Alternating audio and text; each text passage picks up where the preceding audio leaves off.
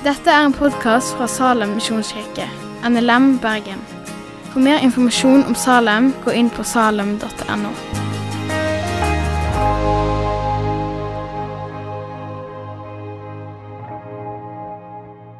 Som eh, kanskje de fleste her har fått med seg, så er vi inne i en taleserie med vitner som eh, overskrift over eh, en del søndager. Eh, og der hver bokstav i ordet 'vitne' gir en eh, indikasjon på hva temaet er. Og vi har vært gjennom V og I, og i dag er vi kommet til T, og da er tjeneste eller tjeneste som er tema for talen i dag, eller det som vi skal ta opp i dag. Og Er det noe vi kanskje, ikke bare kanskje, men uh, hører mye om i vår sammenheng, i alle fall, så er det tjeneste. Vi snakker om tjeneste ute.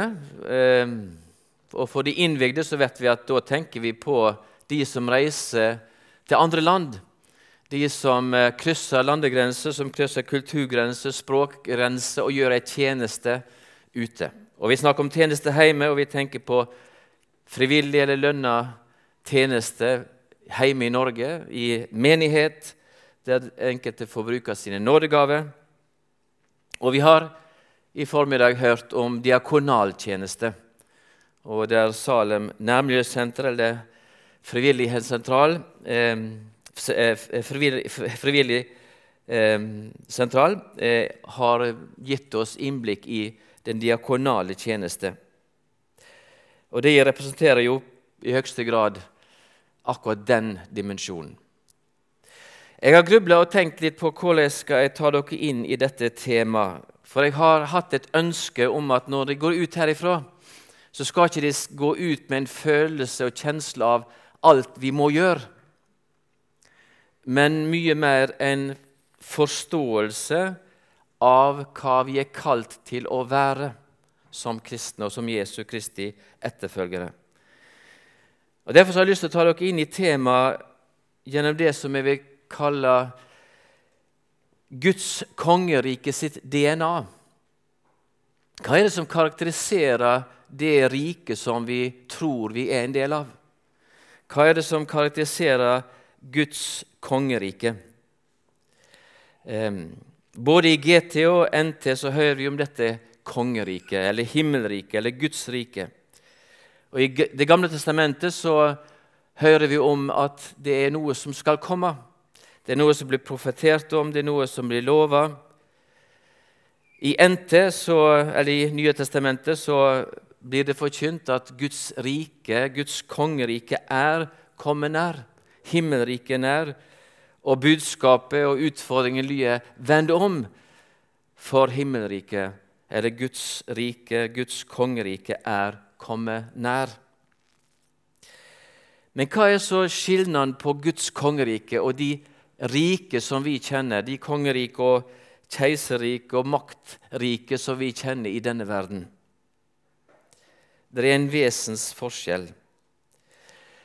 I Jesaja, profeten Jesaja 53 så får vi vite at Guds kongerike det skal vinne seier gjennom Han som blir kalt for Herrens lidende tjener. Et tjenerskap i lidelse skal vinne seier og representere dette riket. Og Her får vi altså en indikasjon på hva dette Guds kongerike bærer med seg av karakter. I Daniels bok, kapittel 7, så får vi innblikk i noe av Daniels sine visjoner, eller drømmer, syner, nattlige syner sådan. Først får han se fire rike som er representert ved avskrekkende dyr. Og De skal herske over mennesket, står det. Og det blir brukt uttrykk som de skal spise, de skal knuse og de skal tråkke under føttene sine. Det er et herskerrike som utøver sin makt over mennesket og holder mennesket i fange i sitt maktapparat. Men så får Daniel se et annet rike. Et rike som vinner over alle de andre rikene. Men det skjer uten våpenkappløp. Det er ikke et rike som har større makt og autoritet og større våpenarsenal enn de andre rikene. Når Jesus kom til jord og vandret her, så var det helt klart at eh, hans samtid, som etter hvert oppfattet at han var den Messias som var lova, de tenkte endelig Messias kommer, og han skal reise opp et opprør imot okkupasjonsmakten, den romerske keiserdømmet. Og de var skuffa når Jesus ikke tok til våpen, ikke brukte menneskelig makt. Og Læresveinene var nok inne på samme tanken. Vi får et lite eksempel på det i Lukas 9. Jesus og læresvennene er på tur. De er kommet inn i en samaritansk landsby i Samaria. Og de blir nekta overnatting. Og To av læresvennene til Jesus, Jakob og Johannes, vil gjerne ta autoritet i situasjonen. Og så står det i Lukas 9.: Da læresvennene Jakob og Johannes fikk høre dette, sa de, Herre, vil du at vi skal by eld fare ned fra himmelen og øye deg? Men han snudde seg og talte til rette. Det veit ikke hva ånd det er av, sa han. Menneskesønnen er ikke kommet for å ta menneskeliv, men for å frelse.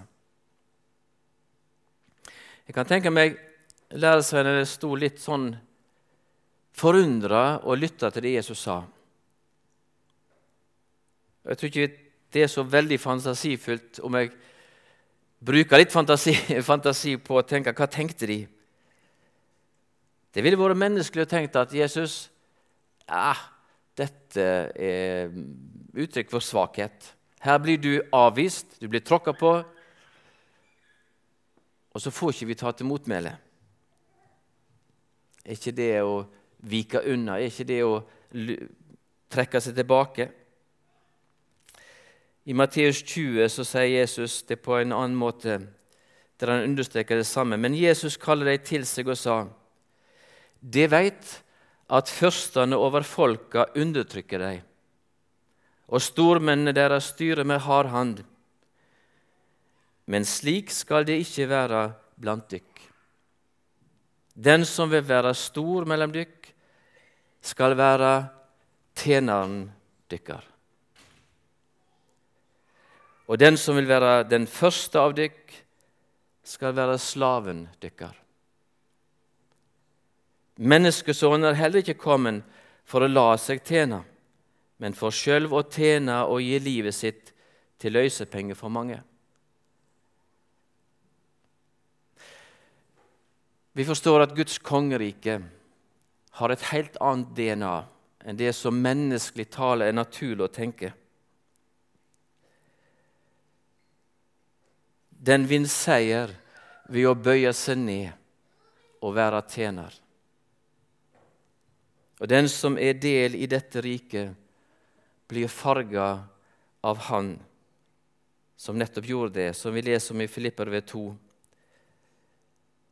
Han var i Guds skapnad og så det ikke som et røv, rov å være Gud lik, men ga avkall på sitt eget og tok en tjeners skapnad og ble menneskelik.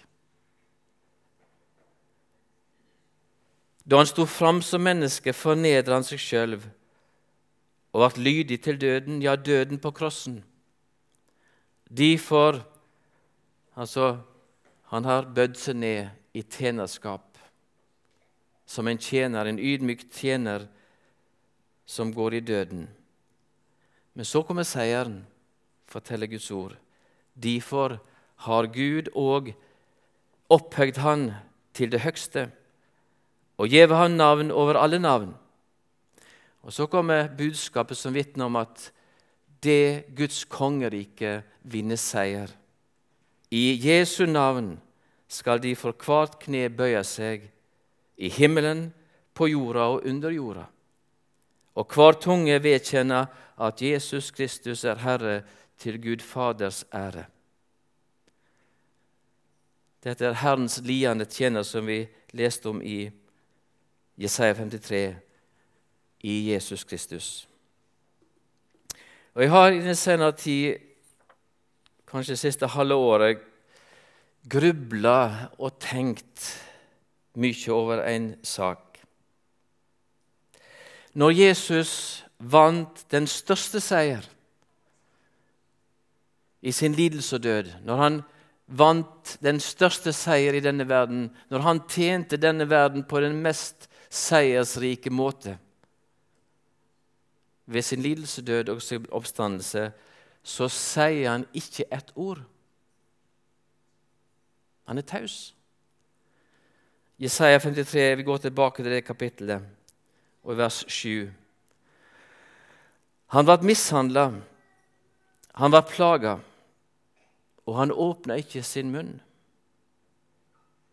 Lik et lam som blir ført til slakting, lik en sau som teier når han blir klipt, og han åpna ikke munnen. Dette er Guds kongerike sitt DNA. Dette er Guds kongerike sin karakter.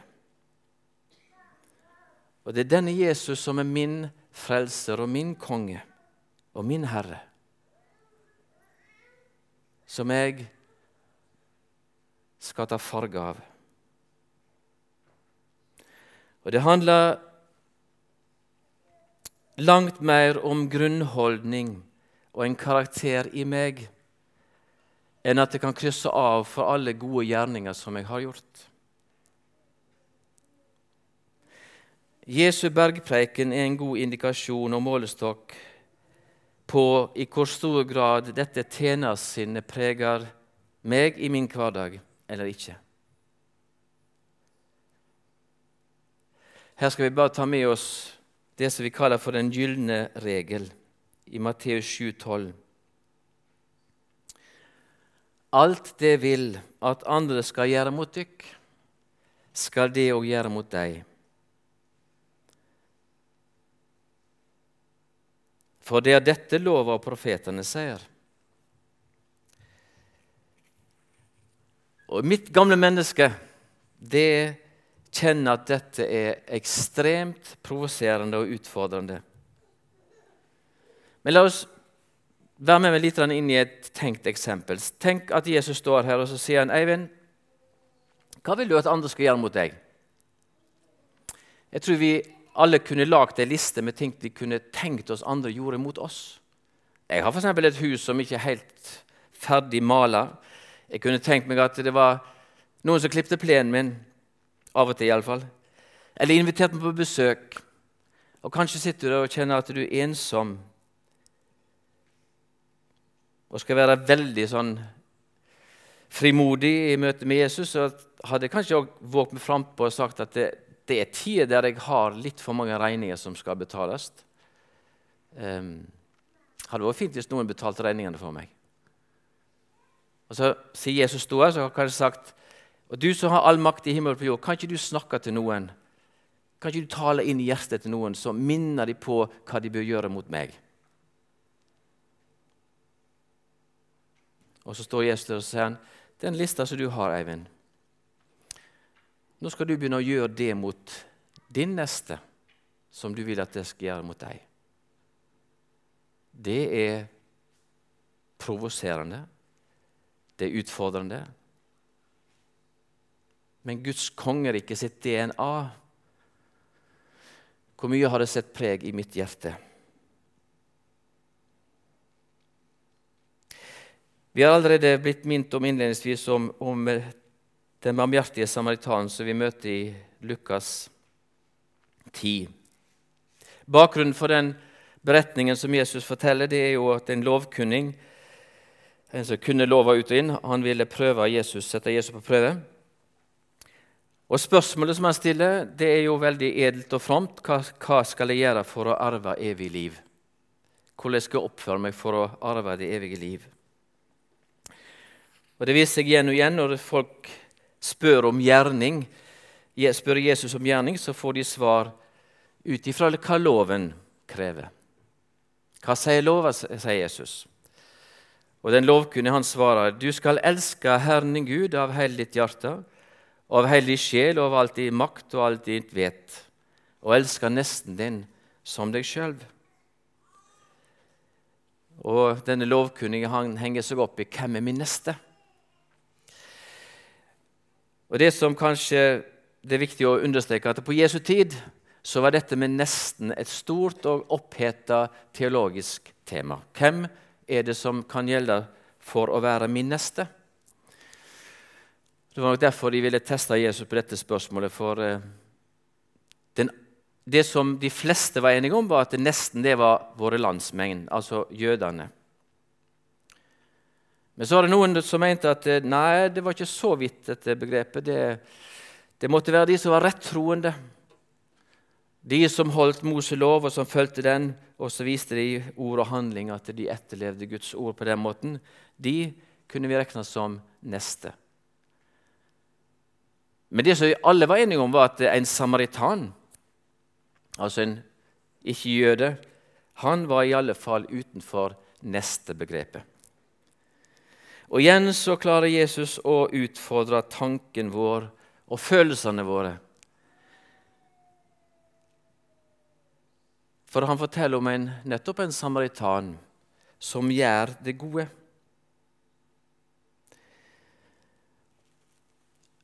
Og Når vi leser og hører denne fortellinga, som kanskje mange av oss har hørt mange år, så, så fanger vi veldig fort blikket på hans gjerning.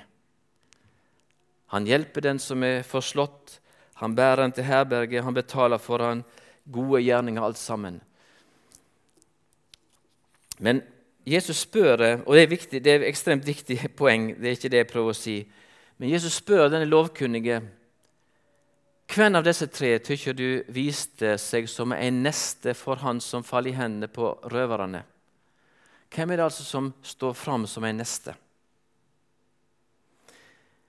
Det Jesus først og fremst løfter fram, er denne mannen sitt diakonale hjerte, hans karakter. For vi kan alle gjøre gode gjerninger hvis vi bare blir eller hvis vi bare kommer på det eller blir minnet på det. Men den som er god i sitt hjerte, gjør gode gjerninger gitt ifra et godt hjerte. Og Det er dette hjerteforholdet Guds rike inviterer oss inn i. Efeserbrevet 2,10. For vi er Hans verk, skapt i Kristus Jesus til gode gjerninger, som Gud på føre Han har lagt fram ferdig så vi skulle vandre i dem skal vi lese det en gang til. For vi er Hans verk, skapt i Kristus Jesus til gode gjerninger, som Gud på føre Han har lagt ferdig, så vi skulle vandre i dem. Kanskje tenker vi fort at ok, det er noen helt spesielle, gode gjerninger som Jesus har lagt fram for meg, og det er viktig for meg å finne disse gjerningene i mitt dagligliv og vandre i de. Det er en god tanke, og ikke feil heller, men vi går glipp av hovedpoenget. De gjerninger vi i Kristus er skapt til å vandre i, og som Gud på førehånd har lagt ferdig for oss, disse gjerningene er det bergpreika underviser oss. Eller de ti bud.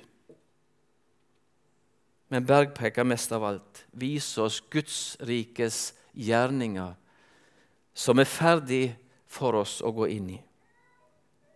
Og gjennom disse gjerninger vinner Guds rike seier i denne verden.